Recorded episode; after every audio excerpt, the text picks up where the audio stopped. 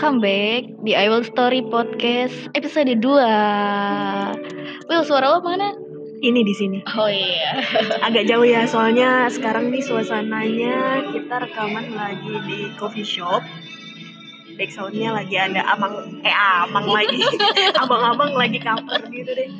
Iya, jadi nggak usah nggak usah kaget kalau ada eh, apa efek-efek orang lagi nyanyi atau orang lagi ngerosting kopi kita biar lebih natural aja sih podcastnya Iya, terus nih FYI juga nih sebelah kita lagi ada pasangan muda-mudi yang lagi pacaran. jadi kebetulan ini malam minggu iya. Kalau eh, kalau kalian dengar suara-suara yang bukan suara kita, harap dimaklumi aja. Iya, iklan lah gitu, iklan. Doakan semoga kita bisa rekaman podcast di studio yang profesional. Tapi kalau Ida tuh punya ide katanya ya. Udah gak usah diomongin, malu gua. Udah gak usah diomongin. Punya ide, ngomongin aja kali Oh ya. iya kan. Jadi sebelum kita rekaman Ida punya ide gimana kalau kita rekamannya di ruang karaoke aja Will katanya gitu. Terus langsung yang enggak gitu dah mainnya dah. Karena kan ruang karaoke kan lo tau sendiri kan kedap suara. Jadi kayak kayak apa? eh kayak studio rekaman gitu kan. Terus pastinya kalau kita ngomong ya nggak ada noise noise yang lain. Paling nanti abang-abang karaoke Mbak mau nambah jam apa enggak? Paling kayak gitu nanti. Sekalian paket makannya. Iya, paling kayak gitu. Tapi kayaknya nggak ada lebih enak di kafe ya bisa sambil makan. Sambil ngopi, sambil Mm. dengerin orang Enggak sih, enggak. Gue dengerin ini aja. dengerin roasting kopi. Iya. Ya udah nih episode kedua bahas apa Will? Gue lagi bokeh banget sih parah. Hmm. Jadi pas banget ya kita di usia ke-25 tahun ibaratnya quarter life crisis mungkin. Tapi krisisnya krisis apa? Krisis keuangan kebetulan kalau Iya. kita. Kita enggak krisis identitas enggak. Kita enggak krisis apalagi integritas mungkin. Mm-mm, enggak sih ya, juga ya. gitu ya. Paling ya lagi merasa pembelajaran aja sih cara mengatur uang. Ya biasalah kita baru kerja kan gue baru kerja tiga tahun dua tahun. Maksudnya baru-baru punya duit pengennya hedon aja gitu. Pengennya punya duit apa dapat gaji dihabisin. Dapat gaji dihabisin. Bisa jajan kopi tiap hari. iya. Gitu kan Eh, nonton konser tiap bulan. Nonton film tiap minggu. Ya gila. Gila banget. gila gila. Belum lagi daftar liburan. hmm. Ada hal-hal yang emang kita pengen ngabisin aja itu dulu. Mm-mm, mungkin ya. Sampai sampai akhirnya? eh, eh, di apa ya di batas waktunya ada waktu di mana lo lo tuh harus sadar duit lo tuh selalu ini ke mana gitu kan lo harus sadar lo punya masa depan gitu kan hidup lu masih panjang. Mm-mm. oh iya iya Itu tutup. Oh iya, kenapa gue tutup ya Nih kebetulan mikrofonnya cuma satu ya ditutupin pula sama Ida. nah sampai akhirnya tapi kita tuh sebenarnya udah sadar keuangan dari dulu ya Dari dulu karena memang kebetulan kita kuliahnya juga kan ekonomi. Uh-uh. Jadi sedikit banyak tahu lah tentang manajemen keuangan. Mm-mm, Emang tentang- ya hal yang tabrakan nih kita. Jadi harap maklum TikToknya masih tabrakan kalau ngomong. Jadi uh, awal-awal gue kerja, bener dari kuliah ya, gue udah belajar apa ikut-ikut seminar tentang investasi gitu, reksadana, saham segala macam. Cuman dari dulu gue kuliah ya bingung aja mainnya gimana sih reksadana gitu. Tapi pada akhirnya pas uh, gue udah mulai kerja, nemuin tuh salah satu perusahaan sekuritas yang dia mau buka seminar. Nah, kalau apa eh, pendaftarannya itu kita bayar biaya pendaftaran sekaligus dapat rekening efek. Nah, gua ajak lah si Wilda ini kan. Kita Hmm, sama-sama punya misi yang sama untuk investasi sejak dini ya. iya sadar keuangan pada saat Iya. itu. Jadi sebenarnya gue juga bukan tipe orang yang detail-detail banget yang bisa baca grafik, yang lihat perkembangan pasar itu gimana, nggak yang gitu-gitu juga sih. Tapi ya sedikit tahu lah tentang dunia investasi itu dari seminar yang kita datangin itu ya, ada ya. Dan itu seminarnya pada saat bulan puasa coba lu bayangin. bayangin. Udah gitu mas-masnya eh, cakep tuh waktu itu kan. Tapi gue lihat udah pakai cincin. Ingat gitu. Dia kayak ya, Ya, udah kayak gitu, udah gitu. harapan. dia ngasih kita kurma sih pas buka puasa? Iya, Iya, kita lagi kita makan berduaan mojokan dan itu asal tahu peserta seminarnya adalah bapak-bapak, ibu-ibu bahkan ada kakek-kakek kan ada. Iya, kakak Yang udah tua. masih melek banget sama Mm-mm. investasi. Dia jago banget sih mainnya. Iya. dan itu kita tuh paling muda sendiri, paling bocah sendiri tuh. Di situ gue ngerasa, eee, agak sedikit beruntung karena seusia kita waktu itu kita udah sadar Akan investasi. hmm, bahkan, eee, apa ya, eee, mereka yang baru mulai gitu, dari mereka yang baru mulai gitu kan. Pengen gue gebet aja tuh kakek-kakek, siapa tuh punya anak atau cucu yang ini juga gitu kan rasanya.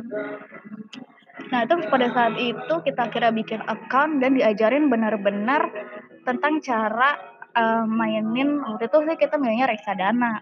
Iya, kita sadar tentang reksadana. Karena emang waktu itu gimana ya, reksadana itu kan, eee, untuk, eee, para investor awal yang masih awam seperti kita, itu nggak berani mainin belum berani mainin saham. Jadi kita reksadana itu kan masih dimainin sama MI ya, sama manajemen eh, Investasi. manajer investasi, Mhm. uang kita masih dimainin. Nah, itu caranya tuh, eee, ternyata semudah itu gitu, uang kita udah masuk ke account-nya, ke aplikasi, itu tinggal pilih aja, ada pasarnya, eee, pilihan macam-macam produk dari para MI, dan kita tinggal pilih dia mau beli yang mana. Dan waktu itu emang gue direkomendasiin salah satu produk tuh, ya baguslah yang emang pas gue lihat, mmm, profilnya, terus dia alokasiin uang kita itu ke mana aja, sama gue lihat grafiknya tuh, return-nya tuh cukup bagus, dia nggak pernah turun, naik terus. Dan gue direkomendasiin itu dan akhirnya gue mem memutuskan untuk membeli produk itu. Hmm. Kit awalnya kita tertarik juga gara-gara ada promo ya? Ada promo atau ada Iya, itu promo itu? itu. Promo ya? Heeh. Yang kalau misalkan kita ikut seminar pada saat itu dengan uang sekian kita udah bisa buka 100.000 ya waktu itu, itu udah dapat rekening tuh, buka Iya, rekening. buka rekening 1.000.000 dah. 100.000. Nah, ha asli harga aslinya itu 1.000.000. Oh, Jadi harga aslinya heeh, 1.000.000. harga aslinya 1.000.000 kalau mau buka rekening, tapi kita dengan ikut 100.000. seminar itu 100.000 itu itu kita udah bisa punya rekening gitu. Iya. Mhm. Jadi kita mulailah di situ sadar akan in investasi, semuanya berjalan baik-baik aja ya, Dak, ya. Iya, Kita invest, Ida invest, sering top up, gue pun juga demikian, sering invest. Karena pada saat itu juga masih ada pemasukan yang income, passive income atau active income kalau kayak gitu maksudnya? Active income gaji kan, kita se Kerja. apa apa dari hasil gaji kita sebagian kita alokasiin buat reksadana gitu. Iya. Dan alhamdulillah sih kayak naik terus gitu return-nya, naik terus naik terus sampai di mana tuh kemarin tuh gue di satu masa ya, setel eee, kalau nggak salah setelah 2 tahun, itu tuh biasanya tiap har eee, tiap minggu atau bahkan tiap bulan tuh gue selalu ngecek, "Oh gue naik nih, return gue naik return gue naik," gitu, alhamdulillah. Nah, udah kayaknya udah 3 bulanan deh gue tuh nggak buka-buka lagi. Hmm. Gue nggak buka-buka lagi, terus karena, eee, "Eh udahlah entar dulu," kayak mager gitu loh, terus nggak nggak top up top up lagi, nggak tahu kenapa mager gitu. Terus tiba-tiba di bulan Desember tuh dapet email, kalau produk yang gue beli itu udah nggak dijual lagi. Wah. Nah itu lah, ini kenapa ya, jadi gue udah nggak bisa nambah portfolio pada saat itu. Ditawarin produk yang lain, kita ada produk lain bla bla bla. Nah itu kejadian sama masa-masanya, eee, Jiwasraya, kasus Jiwasraya. Oh, yang lagi happening ini ya? Iya, yang kemarin yang sempat happening kan Jiwasraya, terus Asabri yang sama turun juga gitu kan, yang eh, apa, mereka 2 asuransi itu yang rugi. Jadi kayak ngaruh terus tiba-tiba gue di-email, eee, reksadana gue udah udah udah tutup gitu, berarti produknya udah nggak dijual lagi. Lah ini kenapa? Karena gue tanya temen gue, "Ini kenapa ya?" Gitu. Nah temen gue ini menyarankan untuk, "Udahlah, udah jual aja," gitu, daripada makin apa namanya dan gue belum tahu waktu itu, sempet turun ternyata, jual aja. Oh iya iya, gue masih iya-iya aja, masih belum gue buka juga tuh reksadana. Sampai akhirnya temen gue yang satu, temen gue yang lain bilang, "Udah gue mau lah main reksadana, gimana caranya?" "Ya ya udah nih download aja aplikasinya ini bla bla bla," dan dari baru dari situ gue sadar, lah gue rugi ya. Ruginya tuh 4%, aduh lumayan banget kan, lah gue rugi gitu, terus gue bilang ke gue, "Eh gue rugi nih 4%," "Ya lah kan gue udah bilang itu lo jual," gitu. Iya waktu itu belum nggak langsung dijual karena aku takut, jujur gue takut buat ngebuka pada saat itu. Noisy ya, guys.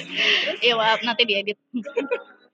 Pada saat itu gue takut kayak, ini ngaruh nggak ya ke reksadana gue gitu, dan emang nggak gue buka, soalnya pas saya pas gue pas gue buka itu udah rugi. Ya udah gue jual lah di situ. Dan gue berinisiatif buat, uh, menutupi kerugian gue itu dengan beli saham yang bagus ya saham salah satu perusahaan yang lo pakai tiap hari gitu ya FMCG ya namanya kalau nggak salah uh, gitu. yang lo pakai tiap hari dan itu apa salah ya satu blue chip saham juga sih blue chip saham sama top saham juga gue cuma hmm. gue iseng aja sih gue beli deh dua lot gitu dan sampai sekarang harganya menurun terus. Ternyata belum bisa ngebalikin kerugian kerugian gue dari reksadana itu. Gitu sih. Tapi pada saat rugi, lo tahu rugi 4% itu langsung lo jual berarti? Langsung gue jual karena ya daripada nanti merugi lagi merugi lagi. Hmm. Karena kan teman gue udah nyaranin pada saat dibilang reksadana gue ditutup, yeah. apa produknya itu ditutup gak dijual lagi jual dah gue belum buka dan jujur masih takut pada saat itu. Jadi sebelum makin rugi jual aja iya, sebelum makin rugi jual aja tapi sampai sekarang sih uh, sahamnya ini apa yang gue beli coba-coba ini masih gue pertahankan karena gue percaya suatu saat mungkin akan naik karena ya mungkin sekarang memang lagi zamannya apa ya, investasi di pasar modal itu lagi nggak bagus kali ya trennya lagi turun mm -mm, trennya lagi turun gitu. Jadi tapi gue masih simpen dan gue berharap suatu saat akan naik gitu sih.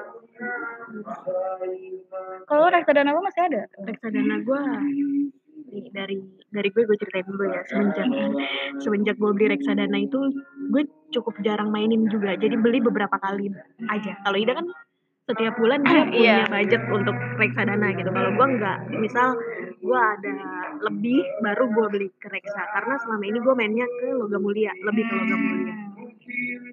Adalah fase di mana gue nganggur sampai enam bulan Wah, itu sangat panjang dan buat kalian yang sekarang masih punya kerjaan yang tetap, masih punya uh, income yang tetap, segera sisihin buat investasi sih. Karena jujur, waktu nganggur itu biaya nganggur itu lebih mahal daripada biaya lo kerja. Selama enam bulan itu gue abis deh uang investasi gue. Bukan cuma uang ya investasi. Ya, maksudnya uh, investasi-investasi yang udah gue jalanin selama ini. Selama ini kan gue kurang lebih udah ngumpulin investasi tuh dua tahunan lah kurang lebih.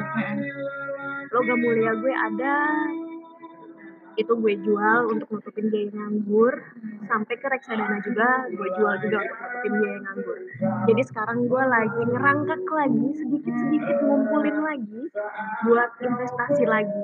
Tapi berarti berguna ya selama ini lo beli reksadana lo gak mulia pas lo di saat lo butuh tuh berguna banget ya? Berguna banget. Di saat gue butuh itu berguna banget. Apalagi sekarang uh, logam mulia tuh gila-gila naiknya. Iya gue sih sempat berpikir apa gue beli LM itu ya tapi belum sih. Masih berharap. Masih berharap nih. Naik selalu naik terus ya. Oh, iya. Gitu terus terus. Akhirnya? Akhirnya? Akhirnya belum ada akhirnya karena gue saat ini masih ngerangkak. Masih masih cari um, rumus. Ya rumus. Bukan rumus kali ya masih hmm. cari apa masih cari jalan.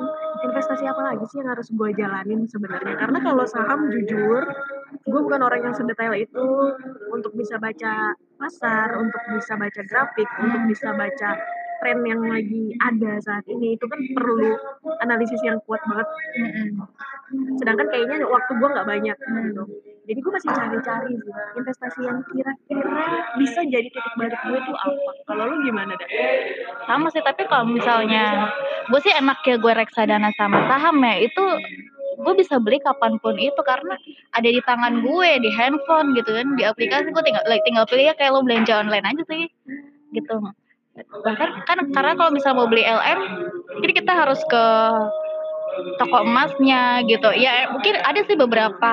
Resiko kehilangan juga besar ya. Iya terus e-commerce emang ada beberapa e-commerce yang nyediain kayak buka lapak kan buka emas terus tokopedia juga ada. Nah itu tapi gue kayak belum percaya gitu di situ. Mm -mm, dan iya memang pas bener tuh. Kalau beli LM resiko kehilangan ada. Ya kan ya nggak tau lah entah itu hilang atau gimana gitu kan. Gitu sih jadi masih sama gue juga masih berharap semoga masih nemuin cara -mm, cara. Sementara sih gue kayak nyimpen dulu di rekening ini gue sih rekening bukan rekening pribadi apa bukan rekening umum ya tapi emang ada nih rekening sekuritas gue. Iya. sampai sekarang gue masih nyimpan di situ aja dulu belum gue belanjain saham atau reksadana lain. Masih nunggu masih berharap sama saham yang ini semoga naik gitu. Malah katanya kalau untuk para pegiat di investasi gitu ya, Ah, tren yang sedang turun ini kan trennya lagi turun nih untuk investasi, mereka tuh malah belanja yang banyak. iya Karena rata-rata saham itu untuk investasi jangka panjang. Mm-mm. Iya benar sih untuk eh, mungkin bah 10 tahun bahkan di atas Iya. lima tahun. Di atas lima tahun. Jadi kita beli sekarang nanti lima tahun kemudian untuk saham-saham yang bagus ya. eh, ya itu lumayan returnnya baliknya gitu. Ya, jadi di saat kalian di umur 25 galau nikah, belum nikah, galauin tentang jodoh, galauin tentang jati diri, ya banyak galaunya tentang masa depan. Kalau kita galaunya tentang keuangan. Lebih berfaedah ya. iya, quarter life crisis kita tuh adanya di keuangan. Memang kita hamba-hamba cuan.